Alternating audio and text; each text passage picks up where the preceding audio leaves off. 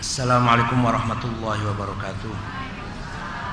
Bismillahirrahmanirrahim. Alhamdulillahirabbil alamin. Wassalatu wassalamu ala sayyidina wa maulana Muhammad khatamul anbiya'i wa afdhalul mursalin wa ala alihi wa sahabati ajma'in. Yang saya hormati orang tua kita semua Bapak Saiful Hamid. Eh, atau lalu bakoah mudah-mudahan umurnya panjang sehat Sayyidati wa Sayyidati hadirin. Setelah Nabi Muhammad berdakwah 10 tahun Dapat pengikut 120 orang. Masih banyak pengikutnya Nabi Musaddiq 48 ribu.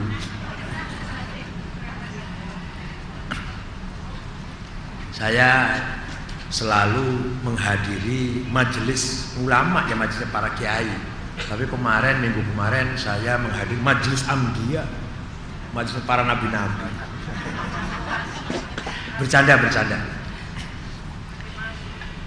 Mendapatkan pengikut hanya 120. Bahkan mencapai puncaknya ujian yang ditimpakan oleh Allah kepada Rasulullah ketika sudah mencapai 10 tahun, ketika sudah selama 10 tahun baik internal maupun eksternal. Eksternal orang-orang Quraisy sepakat tanda tangan membaikot Bani Hashim. Seluruh keluarga keturunan Hashim Ibn Abdi Manaf baik yang mendukung maupun yang tidak mendukung baik yang masuk Islam atau tidak masuk Islam semua dibekot putus hubungan tidak ada tukar menukar, jual beli, tidak ada hubungan, tidak diikut sertakan musyawarah, rapat atau apalah putus. Bahkan mereka diusir dari rumah, kemudian bertempat di jurang Bani Syi'ib Amir, jurang yang masih angker, hidup di kemah dengan beralaskan tikar. Tahun pertama dalam pembekotan itu istri tercinta Rasulullah yaitu Khadijah Al-Kubra binti Khuwailid Al-Asadi radhiyallahu anha meninggal wafat. Nabi Muhammad ditinggal oleh istrinya yang paling setia. Sekaligus istrinya dan bendaharanya. Saya juga ingin cari istri yang jadi bendahara sekali.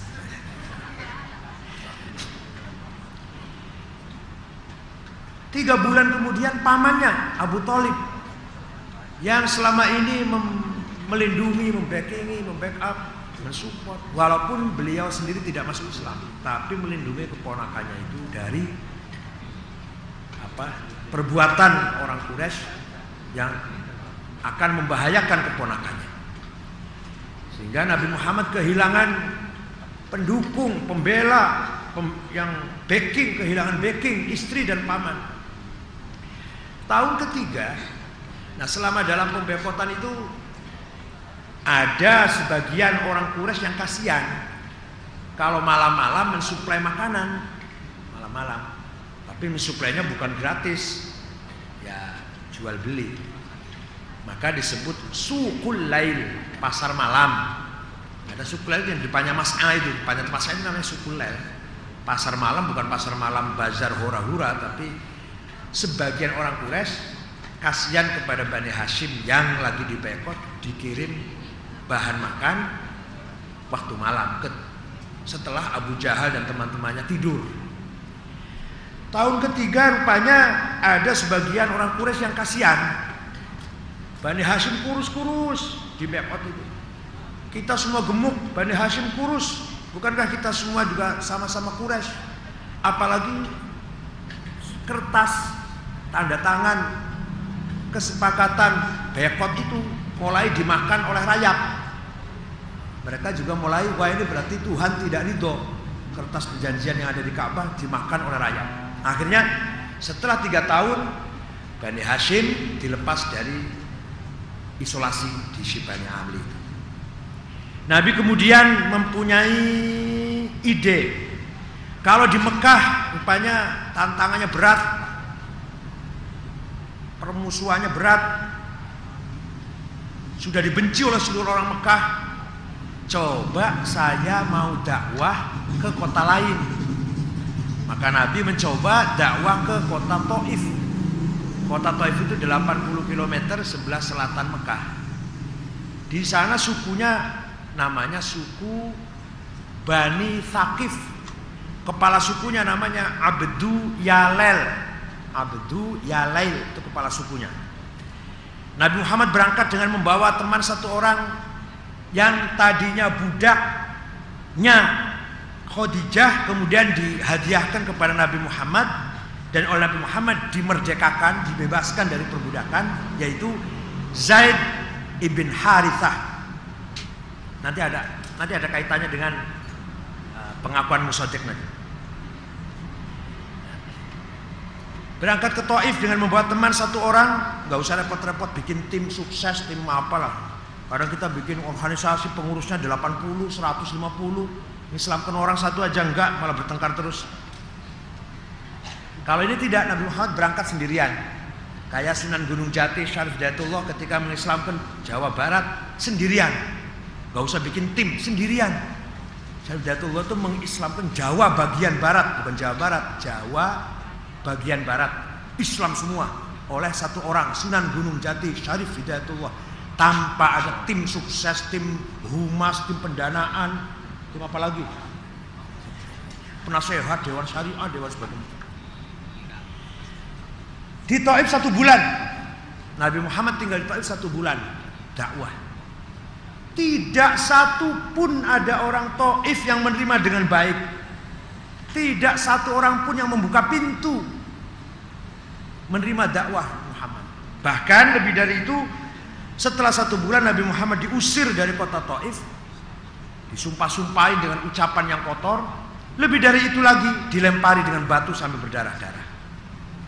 Dalam barzanji disebutkan, wa amma ta'ifa yad'u thaqifan فلم يحسنوا بالإجابة قراه وأغروا به السفهاء والعبيد فسبوه بألسنة بذية ورموه بالحجارة حتى خضبت بالدماء نعلاه ثم عاد رسول الله صلى الله عليه وسلم إلى مكة حزيناً فسأله ملك الجبال في إهلاك أهلها ذوي العصبية فقال إني أرجو أن يخرج الله من أصلابهم من يتولى.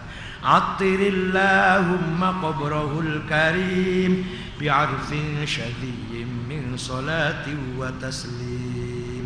suka berjanji nggak kalau nggak suka saya pindah ceritanya nih Allahumma salli wa sallim wa barik alaih itu kita Barzanji itu riwayat Nabi Muhammad yang dikarang oleh Abu Ja'far al-Barzanji dari Turki dan dihadiahkan oleh Khalifah atau Sultan Sulaiman ke Raja Malikus Soleh, Raja Samudra Pasai. Kitab Majmu'ah Syarifah itu ada Barzanji, ada Deba, ada Burda, ada apa. Dan di, dibalas satu perahu, satu kapal rempah-rempah oleh Raja Aceh Malikus Soleh. Dan Barzanji itu dilombakan di sana di Turki beberapa tulisan para ulama, para pujangga yang isinya memuji-muji Nabi Muhammad, Barzanji mendapatkan menang, mendapatkan hadiah yang paling bagus bahasanya dan paling simpel mudah dihafal. Bahasa Barzanji paling mudah dihafal. Kalau anaknya kiai rata-rata hafal dan anaknya kiai itu rata-rata gemuk karena kasih makan berkat terus. Berkat itu jangan sembarangan segala macam ada. Daging ikan udang kentang pisangnya buahnya nasinya ayam. Duh, pokoknya anaknya kiai gemuk-gemuk seperti saya ini. Kalau anaknya bukan kiai kadang kurus. Wa amma Ta'ifa yad'u thaqifan.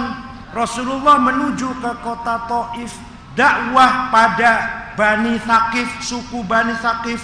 Falam yuhsinu bil ijabati kirah. Tidak satu pun yang menerima dengan baik. Wa aghrau bihi sufaha awal abida. anak-anak muda preman-preman dikumpulkan kemudian mencaci maki Rasulullah fasabbuhu bi alsinatim badiyah orang gila orang gendeng orang suka mantra-mantra kesurupan baca mantra-mantra yang gak jelas Quran maksudnya Bahkan bukan hanya itu, waromauhu bil hijarati hatta khuddibat bidima ina'lah. Mereka melempari Rasulullah dengan batu sampai-sampai dua sendalnya, dua sandalnya penuh dengan darah hatta khuddibat bidima ina'lah. Nah, di situ malaikat menawarkan diri pada Rasulullah, malaikat yang jaga gunung. Muhammad kata malaikat, saya dari tadi melihat ente itu kok gimana sih ya? Melempem banget. Ngerti nggak melempem? Coba ente tinggal minta pada Allah. Saya siap diperintah oleh Allah menolong kamu. Orang Taif mau saya apakan? Mau saya keluarkan lumpur panas? Atau saya kirim angin puting beliung? Atau saya kirim virus demam berdarah, virus HIV AIDS? Atau saya goncangkan tanahnya longsor tiap hari? Bukan tiap hari, malah tiap hari beberapa tempat longsor ini, bukan hanya satu tempat. Apa saya letuskan asap dari gunung? Taif kan gunung-gunung itu. Apa saya keluarkan aja asap asapnya ini? Coba yang tegas Muhammad. Ente malah kalau dilempari kena berdarah malah mendoakan. Allahumma di qaumi fa innahum la ya'lamun. Ya Allah berilah petunjuk pada orang-orang yang melempar batu saya batu kepada saya karena mereka tidak tahu. Kalau tahu mestinya nggak melempari, wah, melempem banget. Coba Muhammad niru seperti Nabi Nuh. Nuh itu 950 tahun dakwah lailau wa nahara. 950 tahun siang malam dakwah. Eh dapat pengikut cuma 80 orang. 950. Umurnya kan 1000 tahun. 950 tahun ada dalam surat Nuh silakan baca. Hanya dapat pengikut 80 orang. Lama-lama beliau berpikir saya sudah tua, mulai ah, mulai tenaga berkurang jauh. Mana mungkin saya bisa dakwah lagi? Udahlah. Hasil saya cuma 80 orang. Akhirnya minta pada Allah, ya Allah, orang-orang kafir itu nggak usah kasih hidup lah matiin saja lah semualah. Kalau dikasih hidup nanti punya anak kafir lagi Nanti anaknya punya cucu, punya anak lagi kafir lagi. Wa qala Nuhur Rabbi la tadhar 'alal ardi minal kafirin dayyara innaka in tadharhum yudillu ibadaka wa la yalidu illa fajiran kafara. Ya Allah kata Nuh, la tadhar 'al ardi minal kafirin dayyara Orang kafir jangan kau kasih hidup di atas bumi ini. Kalau kau kasih hidup nanti mereka akan punya anak fajiron kafaro kurang ajar dan kafir. Itu doanya Nabi Nuh. Ini malaikat lagi memprovokasi Nabi Muhammad supaya kayak Nabi Nuh. Coba Muhammad yang tegas kayak Musa. Musa itu kaumnya cerewet, ngeyel, melawan, sabar. Kalau yang dihina cuma dirinya. Tapi setelah sebagian sebagian Bani Israel kaumnya Nabi Musa kurang ajar banget kelewat-lewat kelewatan gimana kelewatannya itu? Wa idh qultum ya Musa lan nu'mina laka hatta narallaha jahrah hatta narallaha jahratan fa akhadhatkumus sa'iqatu wa antum tanzurun Kata sebagian kaumnya Musa, Musa, saya tidak akan iman kepadamu, tidak akan percaya, kecuali kalau kamu bisa mendatangkan Allah jahrotan secara fisik. Kayak apa Allah itu? Tingginya, besarnya, hitam apa putih, hidungnya mancung apa pesek Allah itu, baru saya ikut beriman. Wah, Musa habis kesabarannya. Ya Allah, orang macam gini ini nggak perlu kasih hidup, nggak ada gunanya dikasih hidup di dunia ini. Akhirnya datang petir di siang bolong, mati semua yang ngomong kayak gitu itu. Nah kita ini tinggal petir yang belum. Tenan ini, betul ini. Puting beliung sudah, sekarang lagi. Setiap setiap hari ada aja rumah ambruk kena angin ini. Terus apa lagi? Gunung berasap ada berapa gunung berasap? Gunung Anak Krakatau, di Minahasa, Kelut, Semeru. Nah, tinggal tunggu ledakannya saja ini. terus kemudian uh, virus, penyakit yang yang aneh-aneh apa? Uh, apa? Ciku, ciku, munyak. Demam belum berdemam berdarah, uh, gizi buruk, kaki gajah. Luar biasa penyakit tiap hari ini. Tinggal satu yang belum, tinggal satu yang belum apa? Petir di siang bolong. Jangan ya, jangan ya. Insya Allah enggak kalau masih ada ibu-ibu yang ngaji sidak kelapa ini. Ini penangkalnya ini. Nabi Muhammad apa jawabnya? Wah kalau saya oke okay, betul itu malaikat habisin aja itu kalau saya. Cari orang pendukung harus bayar, harus ada anggarannya biar bisa demo aja satu orang lima puluh ribu berapa itu? Ini apalagi malaikat nawarin sendiri. Betul ayo cepat sekarang juga. Nabi Muhammad jawabnya apa? Faqala inni arju an yukhrijallahu min aslabihim man yatawalla. Tidak malaikat, saya tidak akan meniru Nuh, gak akan niru Musa. Saya yakin, seyakin-yakinnya. Kalau yang melempari batu orang Taif ini sekarang menolak, saya yakin anaknya akan jadi orang Islam. Cucunya akan jadi orang Islam. Betul kan? Sekarang Taif Islam semua kan? Wah kalau dulu Nabi Muhammad nyumpah-nyumpahin melaknati habis gak ada orang Islam di Taif mati semua. Nah, sekarang masih banyak orang Taif semua Islam semua. Kalau gitu kita ini perlu sabar. Jangan suka nyumpah-nyumpahin orang. Siapa tahu mau jadi besan. Hari ini bertengkar, eh tahunya anaknya jatuh cinta pada anaknya yang kita musuhi itu malu nanti. Jadi kalau benci orang jangan keterlaluan, juga kalau seneng orang jangan keterlaluan sedang-sedang saja. Siapa tahu yang kita benci besok besanan. Nah, siapa tahu sekarang teman besok musuh. Laksamana Soekardi diperiksa nyebut-nyebut Megawati. Nah, itu kan katanya teman dekat sekarang musuh. Nah, Rasulullah keluar dari kota Taif dengan berdarah-darah.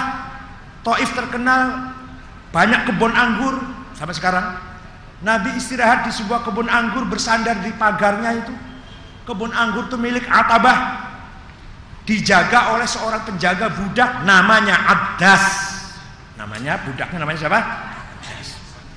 Melihat ada orang berdarah-darah istirahat Abdas ngambil satu piring anggur dikasihkan ketika akan makan terima kasih dikasih anggur akan mencoba anggurnya Nabi Nabi Muhammad uh, Bismillahirrahmanirrahim Abdas kaget loh nggak ada ini Kalimat ini saya nggak pernah saya dengar di kalangan orang Arab ini. Lo kamu siapa? Saya bukan orang Arab. Saya orang Ninawa. Kalau sekarang Mosul, salah satu kota di Irak. Lah ke sini apa? Saya budak penjaga kebun. Saya keturunannya Nabiullah Yunus ibn Matta. Oh Yunus bin Matta itu akhina kata Nabi kata Rasulullah. Akhina sunubuwah wa risalah. Itu saudara saya sesama Nabi dan Rasul. Apa yang terjadi? Ceritakan begini begini kata Kata Adas, tidak ada lagi kalau sudah seperti ini. Satu saja kuncinya atau obatnya atau penangkalnya yaitu syakwa ilallah, mengadu kepada Allah. Udah paling paling tepat itu. Jadi kalau sudah gawat sekali, udah Semeru ngancam, Kelut ngancam, ombak tinggi terus, nggak ada lagi tidak tinggal apa? Syakwa kepada Allah. Dulu presiden waktu kampanye itu bersama kita bisa bisa apa 200, 200 juta ini kalau sudah tsunami datang? Kurang satu kalimat bersama Allah kita bisa. Allahnya hilang. Bersama kita bisa. Bisa apa kalau sudah Semeru mau ngamuk, kelut mau marah itu? Bisa apa? 200 ribu orang ini. Loh, saya tanya pada ahli vul, apa, vulkanolog ya. Bapak ini sarjana sekolahnya mahal-mahal. Ahli vulkanologi mengamati gunung yang mau meledak bisa nggak menahan gunung jangan meledak ya nggak bisa Ya sudah, gunungnya lagi tenang, diledakkan bisa nggak? Ya nggak bisa. Jadi sekolah bapak tuh apa? Ngintip. Jadi sarjana vulkanolog itu apa kerjanya bu? Meledakkan gunung lagi tenang yang nggak bisa, menahan gunung lagi marah nyembur-nyembur lahar panas, ya tidak bisa. Bisanya apa? Nginceng. Itu loh manusia itu bisa cuma segitu, manusia bisa cuma segitu. Dah, Kemudian Rasulullah berdoa di situ. Nah ini doanya mahal banget bu, jarang kiai apa doa ini. Terus terang saja, jarang kiai tahu doa ini. Allahumma inni ashku ilaika dha'fa quwwati wa qillata hilati wa hawani 'alan nas ya arhamar rahimin anta rabbi wa rabbul mustad'afin ila man takiluni ila ba'idin yatahajjamuni am ila aduwin mallaktahu amri ghaira illam yakun bika ghadabun alayya ghaira anna afiyataka hiya awsa'uli a'udzu bi nuri wajhika alladhi ashraqat lahu adh-dhulumat wa salaha 'alayhi amru ad-dunya wal akhirah. Min an yanzila bi ghadabik aw yahilla 'alayya sakhatuk lakal udba hatta tarda wala haula wala quwwata illa billah. Waduh kalau bisa doa ini pagi-pagi anak janda langsung laku aja bu langsung. Kalau punya anak belum kawin apa? Ya, nanti kan ada rekaman. Ya. Allahumma inni ashwilaka dhafa quwwati ya Allah hanya kepada Engkau kami mengadu atas segala ketidakmampuanku, kegagalanku dan hinaku di mata manusia. Engkau Tuhanku dan Tuhannya orang-orang yang lemah. Aku mohon sedikit atau seti, atau setitik cahayamu, cahaya wajahmu agar cahaya itu bisa menerangi perjalananku mengarungi perjalanan yang sangat gelap gulita. Apa pun yang terjadi tetap aku akan berjalan selama engkau tidak menurunkan murkamu kepadaku. Illam yakun bika ghadabun alayya fala ubali. Tidak peduli apa yang terjadi. Nah, itu pokoknya Rasulullah berdoanya apa pun yang akan terjadi satu saja yang beliau takuti kalau Allah tidak ridho kalau Allah murka murka marah selama itu tidak apa yang akan terjadi saya laksanakan jadi yang namanya ridho Allah itu penting bu. Eh nyalon jadi bupati kalah, berarti seandainya jadi bupati rusak. Eh kalau jadi menteri nanti salah, nanti korupsi. Oleh karena itu nggak jadi menteri, alhamdulillah. Saya itu berkali-kali calon menteri agama, tapi nggak pernah jadi calon terus. Seandainya saya jadi menteri agama, korupsinya lebih besar daripada Pak Agil Munawar. Agil Munawar cuma 5 miliar, kalau saya 50 miliar nanti. Alhamdulillah nggak jadi apa-apa. Jadi calon terus nggak apa-apa. Kalau ada geger-geger calon, saya muncul namanya. Alhamdulillah. Itu Menteri Agama versi SCTV namanya.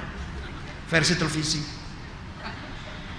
Nah, Nabi setelah berdoa itu kemudian pulang kembali ke Mekah karena takut minta suaka keamanan kepada orang musyrik namanya Mut'im bin Adi. Hatinya bagus tapi orangnya masih musyrik. Mut'im saya mau masuk Mekah, saya sudah meninggalkan Mekah satu bulan. Saya mau kembali ke Mekah, minta perlindungan. Kata Mut'im, pulang, masuk ke rumah saya. Saya jaga keamanannya. Artinya apa? Kalau kepepet, kita lagi terdesak, berlindung pada non muslim itu boleh. Harus kita ngambil pelajaran itu. Kalau kepepet tapi memang dalam keadaan gawat, kritis, eh, berlindung kepada non muslim boleh. Nabi Muhammad juga berlindung pada Mut'im bin Adi, seorang penduduk Mekah yang musyrik, yang hatinya bagus, melindungi Nabi Muhammad. Beberapa hari di rumah Mut'im, dalam riwayat dikatakan tiga hari sampai empat hari, keluar dari rumah Mut'im, masuk Masjidil Haram, lagi ngelamun malam-malam itu, lagi tidak enak rasanya, datang malaikat Jibril, Muhammad kelihatannya kalau loyo gitu, pusing gitu ya, sumpah gitu, iya, kenapa? Cerita begini begini, ya udah, kalau kamu dibenci orang Mekah dan Taif bahkan oleh manusia di atas bumi. Mau nggak saya ajak jalan-jalan? Traveling tamasya piknik tour akan melencer akan jumpa dengan orang atau makhluk yang mencintai kamu. Bahkan menunggu-nunggu ingin jumpa dengan kamu. Ya ayo. Kapan? Sekarang sekarang. Saya belum siap tiketnya mana logistik segala udah nggak usah. Tanggung jawab saya tuh fiskal airpotek apa kata saya. Udah bekal sangu udah Ke mana ini? Sudah ayo ikut saja. Berangkatlah Nabi Muhammad diajak oleh malaikat Jibril minal masjidil haram ilal masjidil aqsa thumma dana fatadalla fakana qaba qausaini au adna. Isra Mi'raj. Itu kejadian setelah Rasulullah pulang dari Taif.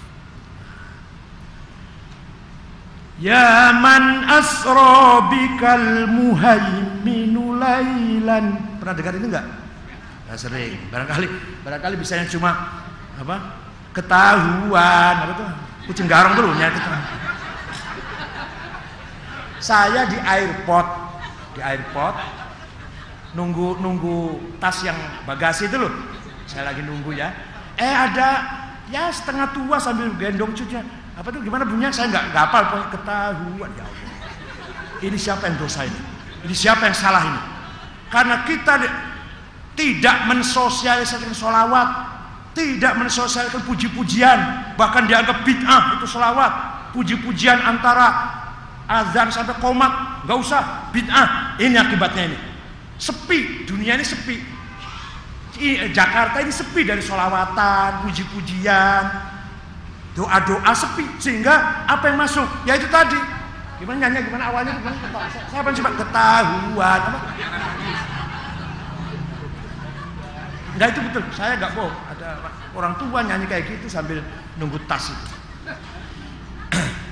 Ya man asra bikal muhaiminu lailan nilta manilta wal anamuniyam Wahai orang yang diisrakan oleh Allah yang maha muhaimin Dari Masjidil Haram ke Masjidil Aqsa Wal anamuniyam Engkau telah mendapatkan kehormatan kemuliaan yang luar biasa di tengah-tengah.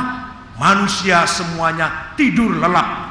Wal anamuniyam Berangkat ke Masjidil Aqsa. Di sana diterima oleh para nabi, para rasul, arwahnya para nabi, para rasul. Kumpul ahlan wa sahlan bi akhina Muhammad. Qad hanal an. Telah, telah saatnya telah tiba. Kedatangan nabi yang kita tunggu-tunggu masuk langsung dipersilahkan menjadi imam yang makmum ini. Purnawirawan purnawirawan nabi-nabi rasul yang makmum. Nah, Muhammad nabi nabi baru malah baru jadi angkat kita ngimami wa taqaddamta lis-sholati fa kullu man fis sama wa antal imam. Engkau maju menjadi imam yang sholat man fis sama kullu man fis sama. Arwahnya para anbiya dan rasul dan para malaikat makmum yang imamin Muhammad dua rakaat setelah selesai sholat kata Jibril, masih mau nggak terus jalan? Ya ayo saya ikut aja lah. Ini baru sampai ke alamil mulki.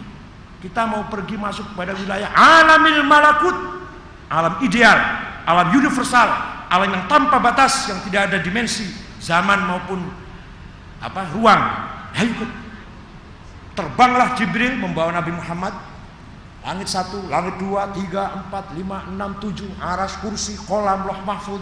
Terus dilalui terus sampai ke aras sampai ke sidratil muntaha. Batas akhir dari alamil malakut.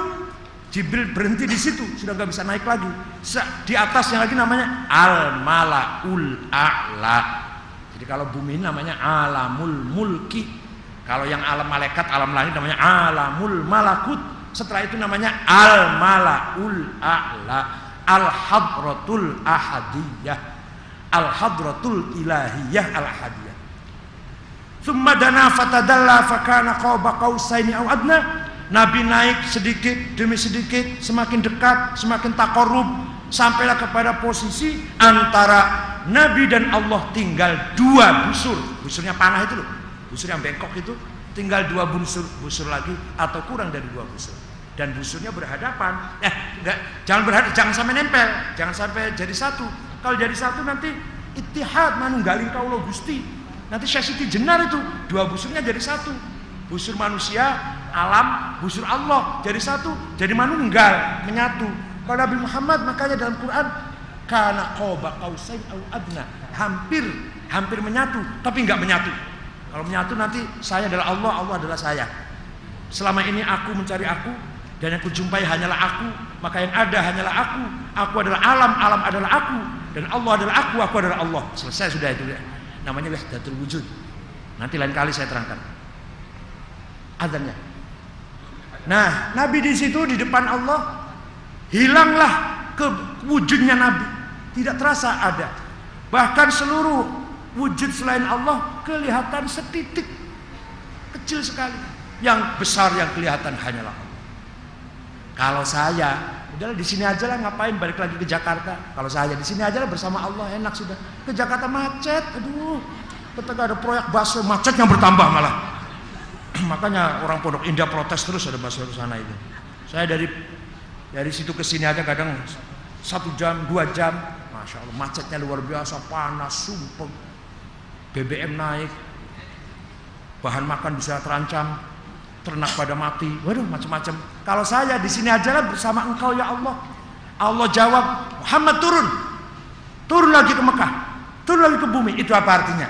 Artinya yang namanya fana, yang namanya hilang kesadaran karena melihat kebesaran Allah, jangan lama-lama.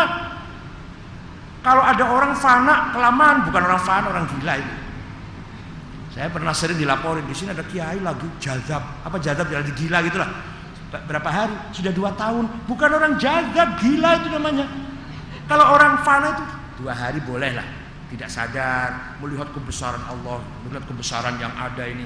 Nah itu Nabi Muhammad in kita amma siwallah wa tawajjuh ila Allah wahdah hanya beberapa saat. Kita putus hubungan dengan selain Allah, tidak sadar. Hanya Allah yang kita sadari. Itu 4 menit, 5 menit. Kalau sholat, setelah sholat harus semangat kerja lagi, cari uang lagi. Sholat berjamaah, putus hubungan dengan selain selain Allah. Allah yang diingat. Proposal, toko, pasar, perusahaan, asuransi, apalagi arisan, kredit, lupakan semua itu.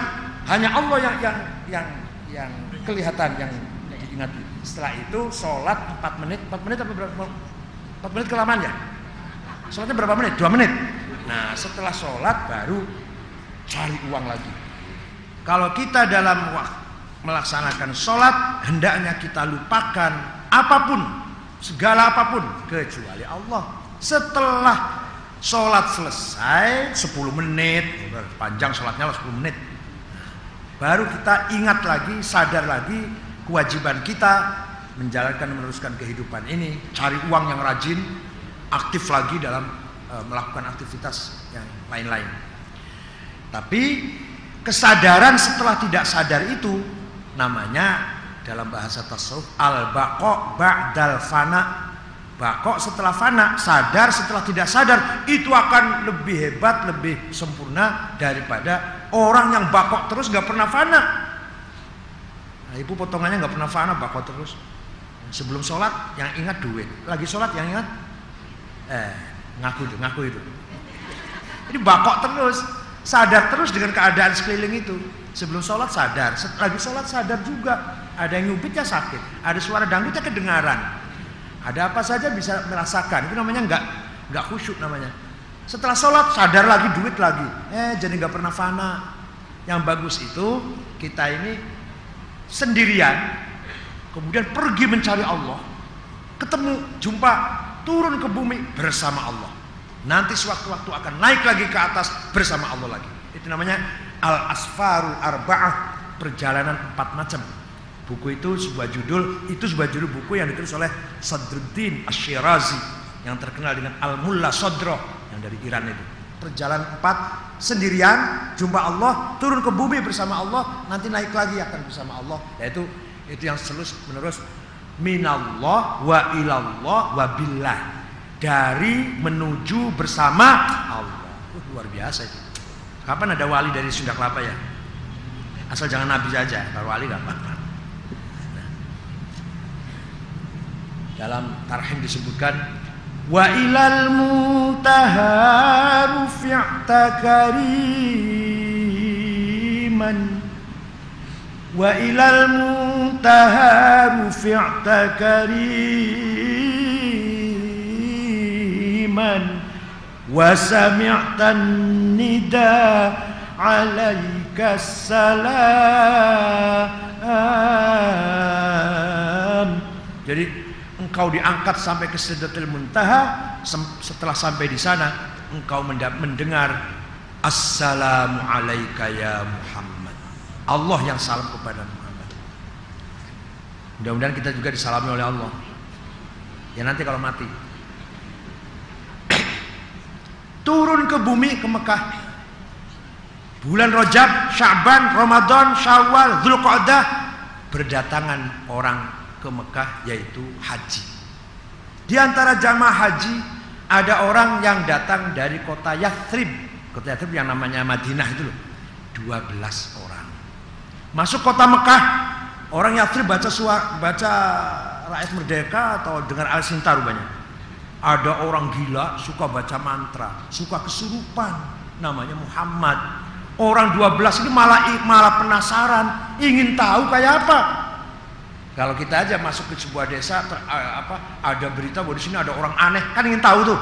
Nah, ingin tahu, dicari, jumpa di Jumroh Akobah 12 orang jumpa dengan Nabi Muhammad dilihat di ketika jumpa sedang membaca Al-Quran setelah selesai baca Al-Quran kata salah satu rombongan 12 mengatakan Wallahi innahu lan nabiyyul ladzi tawa'adakum bihil yahud ini bukan orang gila ini ini bukan orang kesurupan ini bukan orang yang eh, baca mantra-mantra perdukunan bukan ini adalah demi Allah Nabi yang kita sering dengar ditunggu-tunggu oleh orang Yahudi.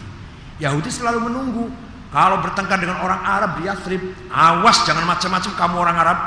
Sebentar lagi akan ada nabi besar lahir datang, nanti kamu akan saya habisin orang Arab. Dikira nabi yang terakhir itu dari Bani Israel, dari keluarga Yahudi dikira. Karena selama ini nabi kan kebanyakan dari Bani Israel. Hanya lima orang yang bukan Bani Israel. Shu'aib, Soleh, Hud, Muhammad, Yunus itu bukan dari Bani Israel, yang selainnya dari Bani Israel. Udah. Ternyata yang Nabi Muhammad ini nabi yang bukan dari Bani Israel. Apa kata orang Arab? Mari kita dulu, mari kita masuk duluan. Jangan sampai orang Yahudi yang masuk mengikuti Muhammad. Jadi asal mulanya orang 12 itu ingin non, ingin lihat penasaran. Katanya ada orang gila, orang suka baca mantra-mantra, orang aneh, kesurupan, Coba ingin tahu, eh setelah tahu mendengarkan Al-Quran luar biasa, masuk Islamnya orang 12. Pulang dari Mekah orang 12 disertai ya, di apa dibarengin dengan qari udaril hijrah yang ahli baca Quran, fasih yang akan mengajarkan Al-Quran di Madinah yaitu Mus'ab bin Umair yang nanti mati syahid bersama Hamzah di perang Uhud Mus'ab bin Umar itu tahun depannya lagi datang 74 orang dari Madinah. Malah ada dua perempuan dari 74 namanya Asma dan Nasibah. Anak nama dua orang perempuan. Masuk Islam. Bukan hanya masuk Islam, orang 74 itu yang terdiri dari dua suku, Aus dan Khazraj mengajak Nabi Muhammad pindah saja ke kota Yathrib. Gak ada harapan berjuang dari Mekah. Gak ada harapan akan membangun peradaban dari Mekah Orangnya asad kufra wa Orang Mekah itu kurang ajarnya kelewat-lewat sudah. Ya Mekah dulu, ya sekarang nggak ada kayak gitulah. Saya pernah saya pernah melaksanakan badal haji orang Mekah. Jadi banyak orang Mekah tuh mati belum haji. Orang Mekah. Ya paling 70 km dari Masjidil Haram, daerah Aziziyah, daerah Aneh kan kita sendiri jungkir balik pengen haji, banyak orang Mekah mati belum haji. Nah, itu salah satu sifatnya orang Mekah. Salah satunya saja nanti ada lagi ya banyak. Tidak mungkin engkau mengajarkan menyebarkan Islam di Mekah. Pindah saja ke kota kami kota Yathrib. Kami nanti akan nahnu ansaruk. Kami adalah penolongmu. Makanya NU punya gerakan pemuda Ansor. Ketika Gus Dur jadi presiden digoyang-goyang datang dari Jawa Timur Ansor pasukan berani mati setelah sampai di Jakarta nggak berani lapar mati berani lapar nggak berani jadi rupanya mati dengan lapar itu masih gampang mati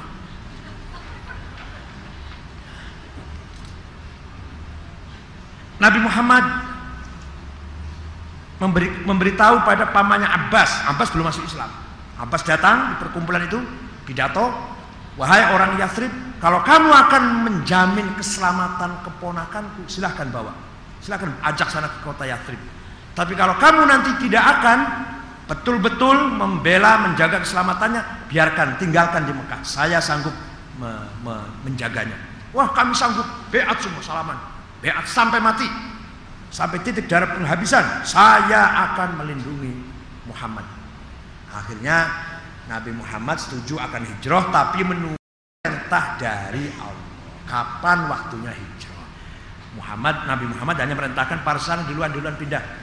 Karena duluan Umar hijrah, Utsman hijrah yang lain-lain saya tunggu apa perintah Allah. Suatu malam Allah perintah Muhammad hijrah sudah saatnya bersama Abu Bakar. Ya, waktu itu ada rapat di Darun Nadwah, balai pendopo, ya, balai sidang lah, Senayan barangkali gitu. Sedang rapat bagaimana caranya menghabisi Muhammad. Bingung dia. Nanti kalau menghabisi apa akibatnya? Eh ada orang tua bawa tongkat, iblis itu Iblis orang tua batu tongkat jenggotnya putih, batu-batu barangkali batu-batu. Saya punya pendapat, boleh nggak saya berpendapat? Wahai orang yang sedang rapat, boleh apa? Kalau mau menghabisi Muhammad, semua keluarga mewakili satu orang, keluarga Quraisy. Dari Bani Taim, Bani Adi, Bani Zahroh, dari keluarga-keluarga. Kirim satu orang bawa golok yang tajam. Begitu Muhammad keluar dari pintu, semua rame-rame menghabisi Muhammad nanti tidak ada akan tidak akan bisa dituntut. Siapa yang bunuh? Semua kita bunuh. Itu wah pendapatnya iblis cerdas banget. Akhirnya semua sepakat nunggu di pintu keluarnya pintu rumahnya Muhammad. Semua pemuda itu. Rasulullah ada perintah datang dari Allah segera sekarang hijrah sudah saatnya pindah ke kota Yathrib. Rasulullah pesan pada Ali kamu tidur di tempat saya pakai selimut saya pakai spray saya bantal saya Pokoknya supaya kelihatan Muhammad. Nabi Muhammad SMK Abu Bakar. Siap Abu Bakar, ontak, siap. Di mana ketemunya? Di situ. Keluar dari rumah dengan membaca gimana? Dengan macam mana? Waja'alna min bainim saddawan khalfum saddang fawsyan fahum la yubsirun. Saya jadikan tabir atau atau apa pembatas antara Muhammad dan mereka anak-anak muda yang lagi nunggu itu Fahum layum suruh mereka tidak lihat Muhammad keluar. Coba ibu baca gitu terus keluar gitu. Sama orang kelihatan gak coba? Coba baca ibu baca coba keluar lewat depan orang. Kelihatan gak coba? Coba. Nah, Nabi fa'ushainahum fahum layum sirun. Anak-anak yang preman-preman yang nunggu di pintu gak kelihatan. Fahum layum sirun. Dengan menaburkan debu. Semuanya gak kelihatan. Nabi ketemu dengan Abu Bakar naik onta bersama. Bersembunyi di sementara menghilangkan jejak karena uh, ke, ke utara tapi agak timur. Kalau Madinah kan utara lurus, yaitu di Gunung Tur. Pagi-pagi ribut Muhammad sudah lolos. Ternyata yang tidur di dalam itu bukan Muhammad Ali. Begitu masuk dibuka Ali, gak jadi dibunuh, maunya tinggal bacok aja mati. Cari, eh dicari, diikuti bekasnya onta, ada bekasnya onta aneh nih. Eh menuju ke gua ke gunung, sampailah ke pintu gua. Tapi di pintu gua banyak laba-laba, burung merpati lagi bertelur. Gak mungkin ada orang masuk gua, guanya begitu ada laba-laba. Seandainya dia mereka jongkok aja kelihatan di dalam. Di situ Abu Bakar menangis. Kata kata Rasulullah, "La tahzan innallaha ma'ana." Jangan susah, Allah selalu bersama kita. Coba, ibu kalau lagi terancam bunyi, "La tahzan innallaha ma'ana." Kalau ditodong ditodong orang atau dirampok, "La tahzan innallaha ma'ana." Coba bisa enggak? Setelah Abu Bakar memerintahkan anak perempuannya namanya Asma, pura ya bukan pura-pura yang gembala kambing, tapi sambil sambil bawa laporan Asma me, mencari informasi apa yang terjadi di kota Mekah, dilaporkan pada Muhammad dan Abu Bakar di gua. Tiga hari sembunyi Rasulullah keluar dari tem, dari persembunyian Jabal Thur, jalan menuju Madinah bersama Abu Bakar. Di tengah jalan lapar, haus, berhenti di kampung Udaid. Ibu kalau umroh dari Mekah ke Madinah ada tulisan Hudai. Ma mampir di situ, di situ ada rumah orang miskin namanya Ummu Ma'bad. Assalamualaikum, ada makanan enggak? Tidak ada. Ada air enggak? Entah ayah. Masya Allah orangnya melarat banget ini air aja nggak punya. Yang ada apa? Yang ada kambing itu entah gimana. Eh dilihat kambingnya kurus. Langsung di, diusap oleh Rasulullah jadi gemuk, susunya jadi padat, diperah, minum susu serumah-rumah semuanya. Semua orang minum susu hasil mukjizatnya Nabi Muhammad. Berangkat lagi sampai ke kota dekat kota Yathrib namanya kota Kuba masih 10 kilo lagi berhenti di situ. Allah memerintahkan Nabi membangun masjid dan mendirikan sholat Jumat. Jadi Nabi istirahat di Kuba itu Jumat, Sabtu, Ahad, Senin baru berangkat menuju kota Yathrib. Di kota Yathrib orang sudah tidak sabar nunggu-nunggu kedatangan Nabi Muhammad sudah pergi dari Mekah dua minggu yang lalu belum nyampe-nyampe ada apa ini wah itu yang di bawah menunggu di perbatasan perbatasan pintu kota orang laki-laki yang ibu-ibu ya, di atas rumah fatayat muslimat Aisyah Semua yang pemuda-pemuda siap menyambut kedatangan Nabi Muhammad. Masuk kota Yathrib sudah tunggu-tunggu dengan semangat yang sangat tinggi. Masyarakat Yathrib menerima kedatangan Nabi dengan ikhlas dan terbuka. طلع البدر علينا من سنيات الوداع. وجب الشكر علينا ما دعا لله داع. أيها المبعوث فينا جئت بالأمر المطاع. جئت شرفت المدينة مرحبا يا خير داع طلع البدر علينا silakan ke rumah saya silakan ke rumah saya Nabi jawab apa kata onta Onta berhenti di mana? Disitulah saya istirahat. Onta berhentinya di rumahnya Abul Ayyub Al Ansori. Maka Nabi sementara tinggal di rumahnya Abul Ayyub Al Ansori sambil menunggu ada bangunan, ada tanah milik dua bersaudara anak yatim, kemudian nanti dibeli dan dijadikan masjid. Nabi Muhammad mengambil kamar satu kamar di pojok masjid itu. Dan belinya cash itu enggak 20% dulu enggak enggak langsung bayar kontan. Nah, melihat penduduk kota Madinah yang apa ya kedatangan orang luar. Di sini juga uh, masyarakat yang sudah yang sudah terstruktur pendatangnya orang yang belum tersentuh kan orang ya imigran kan dari Jawa masuk ke, Jakarta tapi nggak ada nggak ada apa namanya razia itu nggak ada waktu itu kan Nabi malah cepat-cepat segera mengambil kebijakan mempersaudarakan antara pendatang dan yang penduduk asli. Ini dengan ini, ini dengan bersaudara. Sampai-sampai orang Madinah itu ahlan wa sahlan. Saya punya rumah kamarnya empat, ambil satu kamar. Saya punya sapi, onta, seratus, ambil dua puluh. Gampang nanti hitung-hitungannya belakangan tuh. Ada nggak orang sini yang bersaudara seperti itu ya? Kalau orang lain, orang asing betul nih, Gak ada kaitan saudara famili. Sana Quraisy, sini Yathrib, Aus dan Khazraj. Di sana orang Quraisy.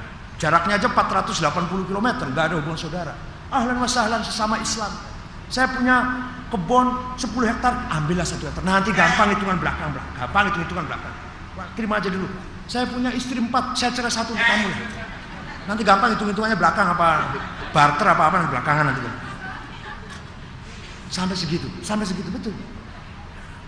Orang yang hijrah menuju masuk kota Yathrib itu kebanyakan tadinya orang kaya, orang terhormat, lurah, RT, RW, camat. Itu yang apa? Yang hijrah itu ya orang-orang terhormat masuk ke kota Yathrib meninggalkan jabatannya, meninggalkan hartanya. Ya kalau harta sekarang kan bisa ditransfer, bisa pakai tabungan, buku, cek gitu. Itu enggak dulu belum ada. Harta itu ya kebun tanah itu dan rumah ditinggal semua. Yang dibawa paling pakaian berapa berapa helai. Mereka menjadi orang melarat. Yang tadinya kaya setelah hijrah ke Madinah jadi orang fukoro. Kalau saya beda, dari Cirebon pindah ke sini malah agak lumayan. Waktu Cirebon mobil saya carry, Kiri nggak ada AC-nya tahun 88. Eh pindah Jakarta baru 2 tahun sudah ganti kijang. Alhamdulillah. Ibu-ibu juga sama lah orang Jawa pindah ke sini cuma. Kalau mereka tidak, justru semakin mendapatkan predikat fuqara. Lil fuqara il muhajirin alladzina ukhriju min diarihim wa amwalihim yabtahuna fadlan minallahi wa ridwana wa yansuruna Allah wa rasulah ulaika humus sadiqun lil fuqara'il muhajirin orang-orang yang fakir, melarat, miskin yang hijrah meninggalkan tanah kelahirannya, desanya, negerinya. Kenapa itu? Meninggalkan hartanya wa amwalihim Ukhriju min diarihim rumahnya, daerahnya, wa amwalihim dan harta kekayaannya ditinggal. Cari apa itu? Pindah itu cari apa itu? Ya betahuna fadlan minallahi wa ridwana. Hanya mencari ridho Allah, mencari mempertahankan iman, wa Allah wa rasulah, membela agama Allah dan rasulnya, mereka itulah sodiqun, orang-orang yang sodik. Di antara kita barangkali ada yang namanya Pak Sodik, tapi entah kayak. Nama sih boleh Pak Sodik, tapi entah kayak apa. Itu orang yang orang yang hijrah membawa Islam, membawa akidah. Dah. Penduduk pribumi Madinahnya coba Bapak kedatangan pendatang, rasanya gimana? Ah, terus terang saya sumpah lah, terus terang saja lah. Ini tahun ini datang 250 ribu ya. 200 ribu yang pendatang baru kemarin itu. Itu aja sumpah banget. Tapi orang Madinah, orang Yathrib malah sudah menyiapkan rumah, daerah, lahan, wilayah disiapkan semua. Bukan hanya itu, wal iman, mental, sikap mental menerima kedatangan pendatang, menerima kedatangan muhajirin, mentalnya sudah disiapkan. Begitu datang langsung jadi jadi saudara. Walladzina tabawwa'ud dar wal imana min qablihim yuhibbuna man hajara ilaihim wala yajiduna fi sudurihim hajatan mimma utu wa yu'thiruna ala anfusihim walau kana bihim khasasah wa man yuqa shuhha nafsihi faulaika humul muflihun. Surat apa? Surat apa? Cari sendiri. Enakan banget sudah dibacakan dilagukan suratnya tunjukkan nomor ayat artinya masya Allah. Ini ngaji apa nggak mau nggak mau kerja dikit cari surat apa itu? Walladzina tabawwa'ud dar wal imana min qablihim. Penduduk asli kota Madinah menyiapkan iman dar rumah lahan wilayah untuk menyongsong menyambut kedatangan muhajirin. Yuhibbuna man hajara ilaihim. Mencintai orang-orang pendatang. Bukan hanya mencintai wala yajiduna fi sudurihim hajatan mimma utu pangkat kedudukan yang didapati oleh orang muhajirin pribuminya nggak tersinggung nggak ngiri. Coba lihat kepala Nabi Muhammad pendatang. Wakilnya Abu Bakar pendatang. Menteri pertahanan ngerangkep Kapolri ngerangkep komandan garnisun ngerangkep apa? Banpol, Banpol ya, Banpol yang yang tartib itu, yang suka ngobrak-ngobrak PKL itu, itu semua dirangkap oleh Sayyidina Umar. Nah, Ibu Khattab, Menteri Ekonomi Industri, Impor Ekspor, Gubernur BI, ngerangkap Menteri Keuangan, ngerangkap Kabulong, itu Sayyidina Utsman, pendatang, Umar pendatang, Utsman pendatang, Menteri Pendidikan, ngerangkap Menteri Agama, Pemuda Pariwisata Olahraga, yaitu Sayyidina Ali, pendatang. Ya. Eselon 1, deputi-deputi, coba lihat siapa? Sa'ad bin Abi Waqqas, pendatang. Sa'id bin Zaid, pendatang. Tolha bin Ubaidillah, pendatang. Zubair bin Awam, pendatang. Abdurrahman bin Auf, pendatang. Abu Ubaidah Amr bin Jarrah, pendatang. Orang Madinah asli pun aslinya nggak jadi apa-apa. Menteri-menterinya pendatang, eselon-eselon satu deputi menteri pendatang orang Madinahnya tidak apa-apa. Wala yajiduna fi sudurihim hajatan mimma utu. Enggak apa-apa ambil semualah oleh pendatang. Kok hampir sama seperti ibu sama ya? Sama ya? Sama ya? Sama seperti ibu gitu? Kepala SD lurah KUA pendatang semua. Enggak apa-apa? Alhamdulillah. Ya karena ibu enggak asli sini. Coba asli sini Ya orang orang Betawinya nggak apa-apa gitu. Semua pendatang kira-kira gitu kalau sini. Bukan hanya itu, wa yu'thiruna ala anfusihim walau kana bihim khososoh. Kalau ada sesuatu yang terbatas sedikit penduduk asli orang Madinah mengalah, mendahulukan pendatang. Ada lowongan kepala SD cuma satu, biar pendatang dulu saya belakang gampang. Ada lowongan ketua RT cuma satu kursi. Ya, pendatang dulu, saya gampang, orang sini gampang. Begitu enggak kayak gitu? Kita ini begitu enggak? Jangan sampai pendatang, pribumi, pegang harus. Asli, penduduk asli harus yang pegang. Pilkada, pilkada, pilkada harus begituan. Walaupun kayak apa, harus penduduk asli. Pendatang jangan. Waduh. Itu. Kalau Rasulullah dulu tidak begitu. Bagaimana mempersaudarakan antara pendatang dan penduduk asli Madinah bukan berdasarkan kepentingan, bukan berdasarkan apa target ekonomi, target kepentingan, target politik, tapi betul-betul ukhuwah Islamiyah. Nah ini bangsa ini sekarang kita ini lagi kehilangan uhuwah Islamnya. Maka kata Nabi Musodik, nah ini cerita Musodik.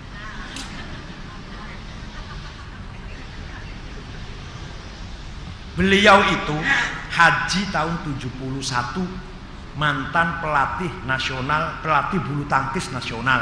Sekolahnya SGO, sekolah guru olahraga. Barangkali kalau yang tua-tua kenal barangkali. Masa pun Itu pelatih bulu tangkis. Pada waktu di Arafah, entah ada yang melempar manusia atau apa, pokoknya ada batu mengenai kepalanya. Pingsan di Arafah. Di dalam pingsan itu ada suara, engkau saya angkat menjadi al-masihil maw'ud. Masih yang ditunggu-tunggu oleh umat manusia. Yang akan memperbaiki akhlak manusia. Selama empat tahun saya merenung berpikir mendalami Quran mendalami hadis sejarah Islam. Baru empat tahun saya ngajak ngajak apa ajak-ajak lah mulai dakwah. Rasulullah juga dulu dakwanya setelah empat tahun. Persis kayak Rasulullah. Jadi beliau itu tidak ngaku dapat wahyu lain. Wahyunya Quran itu. Ya Quran ini diturunkan pada Rasulullah Nabi Muhammad juga turun pada saya. Saya tidak belajar pada kiai, pada pesantren, madrasah, tidak. Saya langsung mendapat Quran dari Allah. Sama dengan turun kepada Nabi Muhammad. Jadi saya nggak ada gurunya. Setelah saya berpikir umat Islam Indonesia ini semua lagu rusak semua. Maka saya diberi tugas memperbaiki akhlaknya orang Indonesia. Umat Islam sholat lima kali, lima waktu, tapi percuma. Sholat lima kali nanti korupsi, nanti bohong, menipu, zina, terlibat kriminal. Sholat lima waktu tapi jahat, percuma itu. Maka sholat cukup satu kali kalau malam saja, tapi dengan penuh renungan, penuh tafakur, tadabbur, dan contemplation. Khusyuk. Puasa Ramadan percuma itu. Sebelas bulan kita me, apa, memuaskan hawa nafsu, makan, minum, mewah, sebelas bulan. Eh cuma satu bulan kita kendalikan hawa nafsu. Ya satu bulan Ramadan maksudnya, percuma itu. Yang penting Puasa seminggu dua kali, Senin dan Kamis. Supaya kita terkendali hawa nafsu kita terkendali, spiritualitas kita mulai besar, mulai tumbuh dengan baik. Gak usah gak usah puasanya satu bulan itu. Ya. Dan saya Nabi. Saya langsung menerima Al-Quran sama dengan Nabi Muhammad. Mengenai ayat surat Ahzab ayat nomor 40 maka Muhammadun aba ahadim min rijalikum walakin Rasulullah khataman nabiyyin.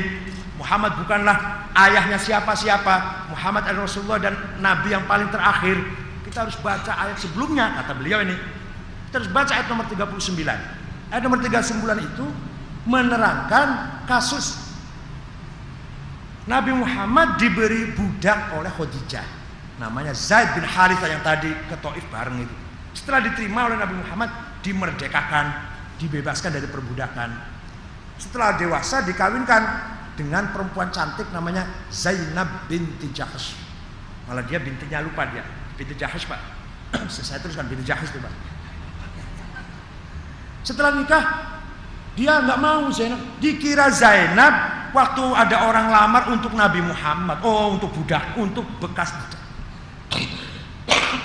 untuk anak angkatnya bekas budak nggak mau Zainab.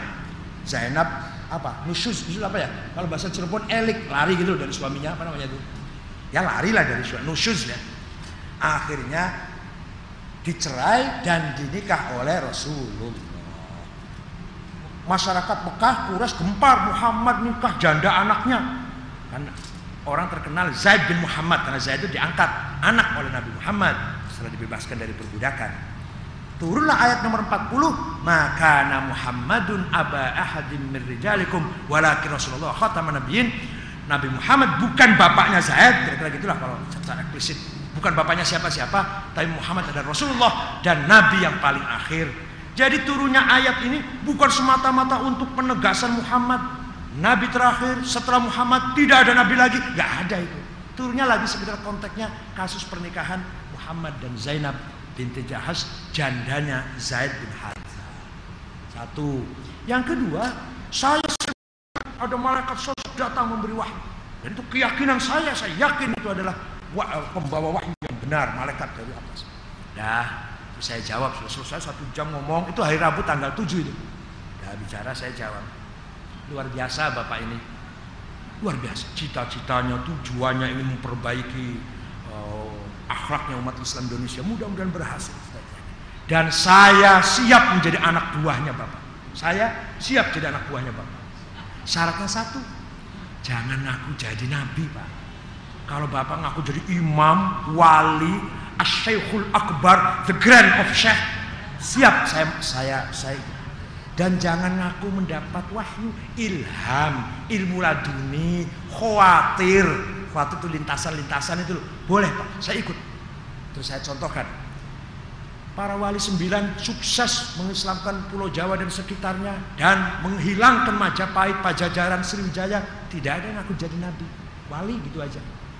Ada seorang wali besar namanya Ibnu Arabi Abu Bakar Ibnu Arabi At-Ta'i yang punya kitab besar namanya Futuhatil Makkiyah di pembukaan kitabnya menyatakan dengan dengan jelas saya bukan nabi, saya bukan rasul, tapi saya warisul anbiya yang mewarisi ilmunya para nabi. Yang saya tulis bukan wahyu tapi imla ilahi. Ya khawatir dari Allah, lintasan-lintasan. Jadi mulai dunilah katakan. Nah, itu boleh Pak, asal jangan nabi. Karena masalah nabi itu bahwa setelah Nabi Muhammad tidak ada nabi termasuk ma'ulima minad din bid-darurah bi ijma'il ummah. Sesuatu yang sudah diketahui oleh umat Islam dengan sepakat. Beda dengan yang artinya sesuatu itu tidak butuh analisa atau uh, apa pendalaman enggak. Semua orang Islam tahu setelah Nabi Muhammad enggak ada nabi lagi. Salat lima waktu, Ramadan puasa satu bulan, itu enggak usah enggak enggak seperti hukum yang lain senggolan laki dan perempuan batal apa enggak oh, itu lama itu panjang itu bicaranya itu terawih itu 8 apa 20 lama itu sama saja 20 boleh 8 boleh. Yang 8 itu 20 diskon 60 persen. Enggak apa-apa. Masalah itu itu semua itu butuh pendalaman. Misalkan apalagi uh, ya itulah bagaimana peristiwa-peristiwa itu butuh pendalaman. Allah itu punya sifat apa tidak? Murid Mu'tazilah nggak punya sifat, murid ahli sunnah punya sifat, sifatnya berapa? 20, 20 bagi berapa? Nafsiyah, salbiyah, ma'ani, ma'nawiyah. Itu itu sih boleh beda, boleh orang itu nggak tahu itu nggak boleh. Tapi kalau sholat lima waktu, puasa Ramadan dan setelah Nabi Muhammad tidak ada nabi lagi, namanya ma'ulima minad dini bid ma'a ijma'il ummah. Sesuatu yang sudah diterima oleh umat Islam sudah darurat sudah pasti kepastian oleh umat Islam bukan hanya sebagian umat. Maka setiap ada orang aku jadi nabi pasti reaksinya keras dari umat Islam contohnya ketika Abu Bakar Sayyidina Abu Bakar muncul empat nabi Musailimah al-Kadzab Tulaiha bin Khuwailid al-Aswad uh, uh, Sajjah dan Aswad al-Ansi semua disikapi keras oleh umat Islam empat-empatnya dibunuh semua ketika ada nabi palsu zaman Abu Bakar. Dan sepanjang masa kalau ada orang ngaku jadi nabi pasti keras reaksi umat Islam. Kalau ngaku wali, ngaku Imam Mahdi, ngaku Asyikhul Akbar, ngaku orang ma'rifat silakan. Benar apa enggak terserah ente lah. Dan masalah keyakinan tadi Pak, kalau Bapak melihat suatu kemudian yakin, ada empat grade, ada empat. Pertama namanya wahm. Nih kayak Bapak duduk ramai begini. Salah satu di antara kita ada yang ngomong, saya melihat orang datang, saya melihat sosok datang. Mungkin, enggak enggak bohong. Yang lain nggak lihat, yang satu lihat. Saya mendengar suara, yang orang lain nggak dengar. Tapi saya jelas kalau mendengar suara. Itu namanya waham, halusinasi. Atau naik lebih tinggi lagi, khoyal, imajinasi. Atau naik tingkat tinggi lagi, ilmu. Nah ilmu itulah ilmu laduni. Yang turun dari Allah menjadi ilham, menjadi khawatir, menjadi hadis. Ada, ada bisikan, boleh, boleh. Orang ngaku dapat ilham tuh boleh, benar atau enggak urusan dia. Tapi yang di atasnya ilmu adalah wahyu. Kalau wahyu mutlak kebenarannya dan sudah tidak turun lagi setelah Al-Qur'an. Namanya.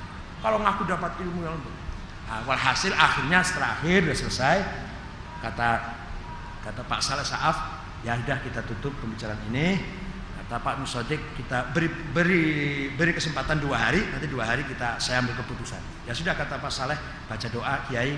Mudah-mudahan pertemuan ini baru saya baca doa dia amin. Wah bukan Nabi jelas. Oh saya bukan apa baca doa dia amin. Pasti bukan. Kalau Nabi mana mungkin ngaminin doa saya saya orang kayak gini doa diaminin kalau Nabi lu ya berarti sama-sama lah sama-sama Jumat jam 11 tanggal berapa? Tanggal 9 ya Jumat. Tanggal ya 9 saya datang lagi ke Mabes. Kenapa di Mabes? Bukan berarti polisi ikut campur tidak. Waktu dialog dibiarkan. Polisi nggak ada. biarkan dialog. Nah, karena memang beliau statusnya tahanan, maka nggak boleh di tempat yang lain selain tempat kantor polisi. Tapi polisi nggak ada yang ikut campur, nggak cuma lihat saja, masuk lihat keluar lagi itu aja.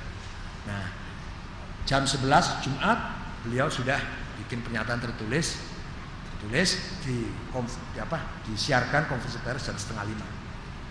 Pertama dia mengatakan terus terang saja saya saya ngomong apa adanya. Saya terima kasih kepada Pak Agil Sirot yang mau berdialog dengan saya. Selama tiga jam dua hari ini saya menyerah atau saya memahami menerima apa yang diajukan oleh Pak Agil Sirot. Saya tersinggung dengan majelis ulama. Selamanya ada. Itu ada Pak Adlani dan ada Pak Amidan. Majelis ulama itu nggak pernah ngundang saya, nggak pernah dialog, nggak pernah konfirmasi. Saya minta ketemu pun dua minggu ini ditolak, nggak diterima. Langsung keputusannya fatwa sesat, halal darahnya dilarang, kafir. Nah, mereka dia tersinggung. Apa artinya? Kesimpulannya, artinya dakwah itu tidak harus keras. Ternyata kita dialog dia luntur bil hikmah wal mau'izatil hasanah. Wajadilhum dan dialoglah mereka itu dengan segala argumentasi. Billatihi ahsan argumentasi yang tepat objektif dan ilmiah. Dia baca syahadat dua yang ketiga nggak dibaca. Tapi bahasa yang tiga itu. Wa anna musaddiq al masihul mau'un kemudian eh, beliau beliau mengatakan saya mencabut klaim nabi dan rasul baik melalui tulisan saya atau, atau lisan. Eh, dan semua rukun iman rukun Islam saya imani dan saya saya tes. Coba dirinci satu-satu. Dia mau rinci satu-satu. Dan tidak ada wahyu kecuali setelah Al-Quran tidak ada Nabi Sallallahu Muhammad. Ya sependapat. Kemudian sholat lima waktu puasa Ramadan. Ya. Setelah itu kepada seluruh pengikutnya yang berjumlah lebih dari 40 ribu hendaklah bertaubat taubatan nasuha. Selesai sudah. Jadi dalam sejarah saya pernah menghadiri majlisul anbiya kalau di sini kan majelis ulama ini majelis, majelisnya ulama kayak gitu. Saya pernah majelis ambiya luar biasa pengalaman. Silakan kalau ada pertanyaan, terima kasih. Ya. Demikian para bapak dan ibu sekalian, luar biasa. Mudah-mudahan ini adalah ya ini adalah sebuah perjuangan yang betul-betul dicatat Allah Subhanahu Wa Taala mampu mengislamkan orang tapi di bawahnya ada puluhan ribu mudah-mudahan itu bisa mengislam semua. Kita sama-sama mudahkan mudah-mudahan kita bisa meniru seperti itu amin. amin. Para jamaah sekalian selanjutnya masih ada waktu sekitar 10 hingga 15 menit untuk kita tanya jawab. Ya untuk ibu. Ya. silakan angkat tangan dulu bu. Baik kalau nggak ada yang bapak-bapak silakan pak Ya, Bapak satu. Ada satu orang lagi yang Bapak? Ya, Pak Sodik. Silakan.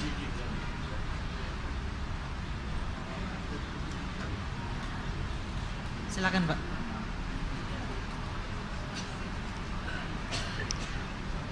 Assalamualaikum warahmatullahi taala wabarakatuh. Saya Sugiarto dari Pasar Minggu. Yang ingin saya tanyakan, Pak, Saya Sugiarto dari Pasar Minggu. Yang ingin saya tanyakan tadi mengenai Nabi Isra Mi'raj itu. Itu Nabi Isra Mi'raj itu dibawa malaikat Jibril. Itu berbentuk emang Nabi itu seutuhnya diangkat oleh malaikat apa ilusi mimpi Nabi walaupun mimpi karena seorang nabi ya ya seolah-olah kenyataan kayak mengalami yang nyata yang aslinya. Hanya itu yang saya tanya. Terima kasih. Satu lagi silakan. Assalamualaikum warahmatullahi wabarakatuh. Nama Mas Sotikin Prof dari Budi. Ada dua pertanyaan Prof. Yang pertama tadi kita berbicara mengenai Zaid bin Harisah. Dan dalam uh, sepengetahuan saya satu-satunya sahabat yang ditulis dalam Al-Quran yaitu Zaid bin Harisah. Pertanyaan saya, apa sih keutamaan Zaid bin Harisah melebihi sahabat yang lain sampai dibukukan dalam Al-Quran itu sendiri. Dan yang kedua, kita pun berbicara mengenai Islam. Perhatian kita Islam itu kelihatannya setelah Rasulullah Shallallahu Alaihi Wasallam diangkat menjadi nabi. Pertanyaan saya, kita pun melihat dalam Al-Quran surat At-Tahrim yaitu istri daripada Raja Fir'aun yang namanya Asia itu pun diabadikan dalam Al-Quran itu sebagai orang muslim. Pertanyaan saya, muslim sekarang sama muslim dulu itu perbedaannya apa Prof? Terima kasih. Assalamualaikum warahmatullahi wabarakatuh. Terima kasih. Ada perbedaan pendapat memang antara ahli sunnah dan mu'tazilah. Mu'tazilah itu sebuah madhab rasional, intelek, orang pinter-pinter. Mu'tazilah itu dibentuk atau dibangun oleh seorang namanya Wasil bin Atha. Wasil bin Atha itu pendiri Mu'tazilah, pinter, ahli debat, ahli diskusi. Dia tidak bisa mengucapkan huruf R. Ro itu nggak bisa. Apa itu namanya? Pejak, pedal, cadel. Nah, tapi kalau dia ceramah berjam-jam, diskusi berjam-jam, pandai menghindar dari huruf ro. Nggak pernah ketemu dengan huruf ro itu. Bin. Nah, beliau itu muridnya Imam Hasan Basri punya murid Wasil bin Atha namanya Amrun bin Ubaid. Amr bin Ubaid itu pencipta ilmu balaghah. Amr bin Ubaid punya murid namanya Ibrahim An-Nazzam yang menciptakan ilmu kalam. Ilmu uh, Ibrahim bin Azam punya murid Abdul Huzail Al-Allaf. Al-Allaf punya murid Abu Hashim Al-Jubai.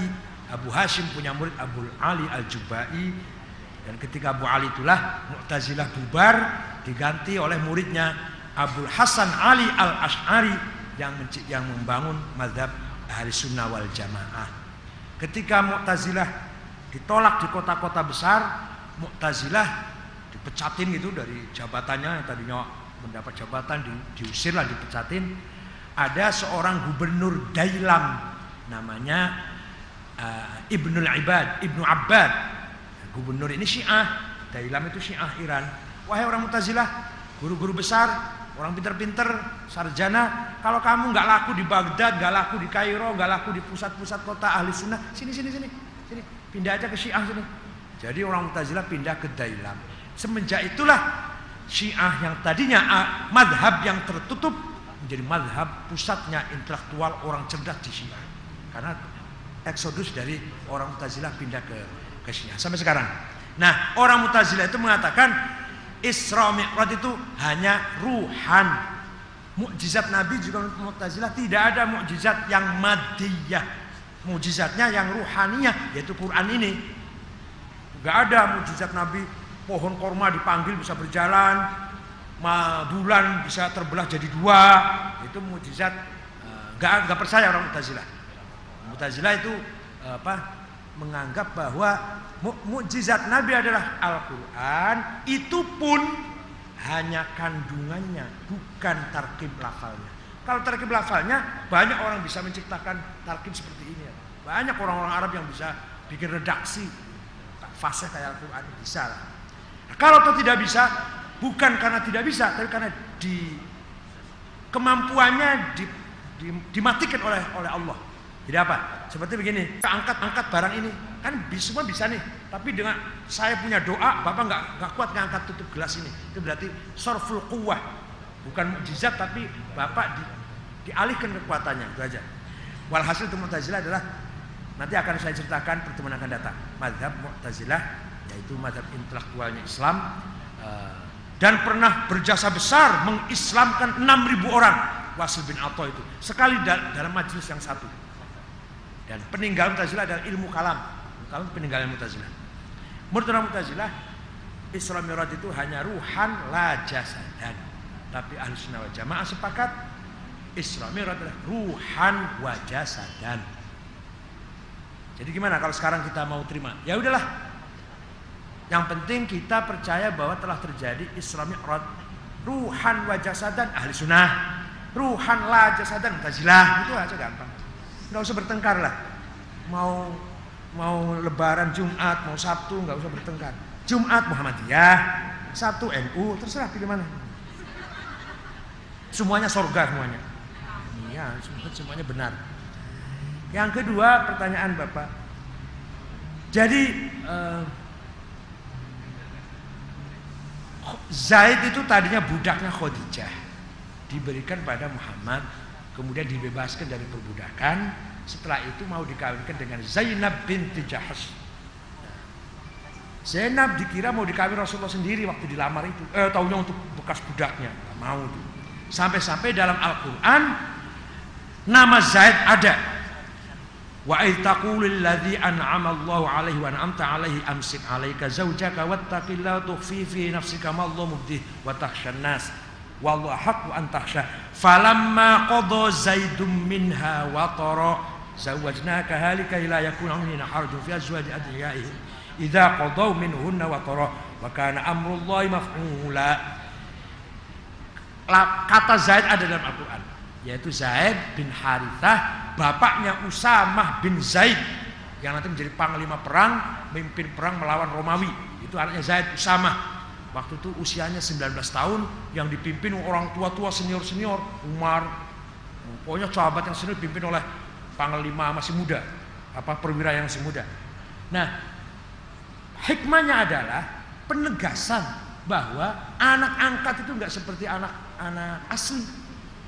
Jandanya anak angkat boleh dinikah oleh bapaknya, bapak angkat, bukan anak asli.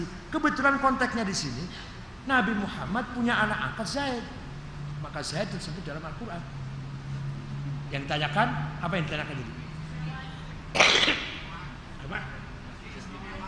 Kelebihannya beliau yang bersama Nabi di Taif tadi, antara lain, yang dilempari batu oleh orang Taif bersama Nabi itu Zaid malah Zaid sering kalau batu kalau batu mau datang itu mau tiba, dia pasang kepalanya supaya jangan kena Nabi Muhammad. Jadi ada kelebihan semenjak uh, semenjak muda lah, semenjak muda dia bersama Nabi Muhammad dan bersama Khadijah ketika jadi budak. Terus yang kedua gimana? Yang kedua? Yang kedua apa ditanyakan tadi? Ya, yang kedua. Ya sudah. Ah, dalam Al-Quran ditegaskan bahwa semua para ambiya, para rasul itu membawa ajaran tauhid. Semua, tidak ada yang mengajarkan musyrik, kesyirikan. Tuhan itu satu, Allah.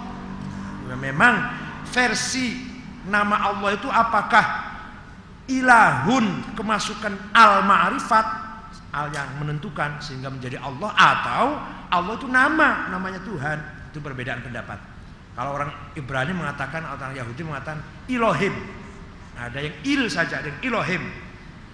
Walhasil nama Tuhan siapa saja, yang penting satu, itu semua misi Rasulullah, misi para Rasul semua mengajak manusia beriman kepada Tuhan yang satu. Tidak menganggap selain Tuhan ada Tuhan lagi.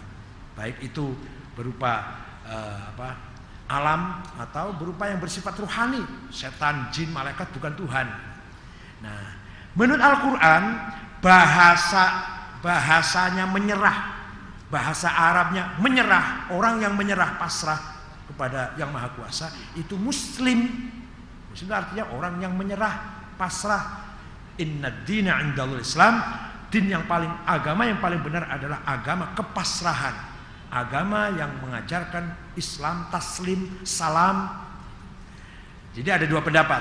Memang semua para nabi itu agamanya namanya Islam.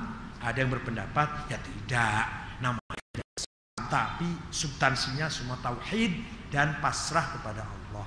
Nama nggak penting lah. Kalau nama itu mau agama Yahudi, mau agama yang penting bahwa ajaran dibawa oleh Nabi Isa, Nabi Musa, Nabi Ibrahim itu tauhid. Jadi agamanya Ibrahim ya tauhid, agamanya Musa, Isa ya tauhid, agama Nabi Muhammad ya jelas-jelas tauhid. Soal nama mau nama Islam mau bukan Islam nggak penting. Memang menurut bahasa Arab yang namanya pasrah total itu bahasa Arabnya Islam bahasa Arabnya. Bismillahirrahmanirrahim. Alhamdulillahirabbil alamin. Hamdan kathiran, tayyiban mubarakan fihi ala kulli hal. Allahumma innaka ta'lamu sirrana wa alaniyatana faqbal ma'dhiratana wa ta'lamu hajatina fa'tina as'ilatana wa ta'lamu ma fi anfusina faghfir lana dhunubana. Ya Rahman ya Rahim ya Qawi ya Matin ya Fattah ya Alim ya Razzaq ya Karim ya Hayy ya Qayyum.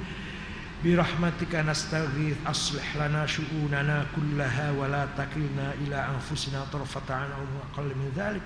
اللهم أصلح لنا ديننا الذي هو عصمة أمرنا وأصلح لنا دنيانا التي فيها معاشنا وأصلح لنا آخرتنا التي إليها معادنا واجعل الحياة زيادة لنا في كل خير واجعل الموت راحة لنا من كل شر.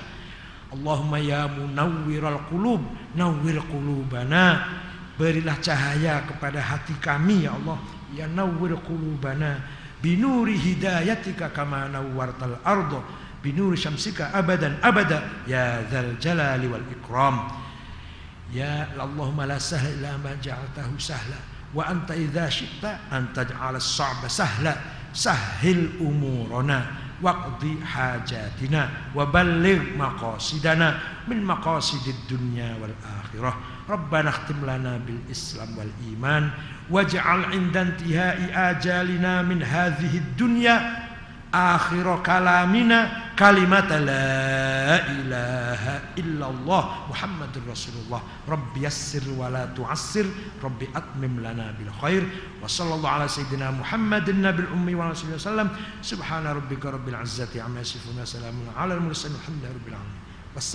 warahmatullahi wabarakatuh